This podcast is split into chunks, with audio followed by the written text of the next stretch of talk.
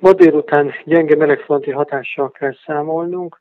Ez a gyenge melegfront nem lesz ugyan erős, azonban a jelenlegi környezet mégis sok megterhelést ró a szervezetünkre, köszönhetően annak, hogy viszonylag jelentős most a gyenge légmozgás miatt a levegőszennyezettségi mutatója, elsősorban a szállóport illetően. Ebben változással leginkább csak a hétvége második felében, vasárnaptól lehet számítani amikor is majd egy gyenge hidegfront jelentkezik. Ma tehát a gyenge melegfront lesz az, ami a hatást kiváltja, tompultságot, fáradékonyságot eredményezve. Kik számára a leginkább rossz hír a rossz levegőminőség? Mely panaszok fokozódhatnak ilyenkor?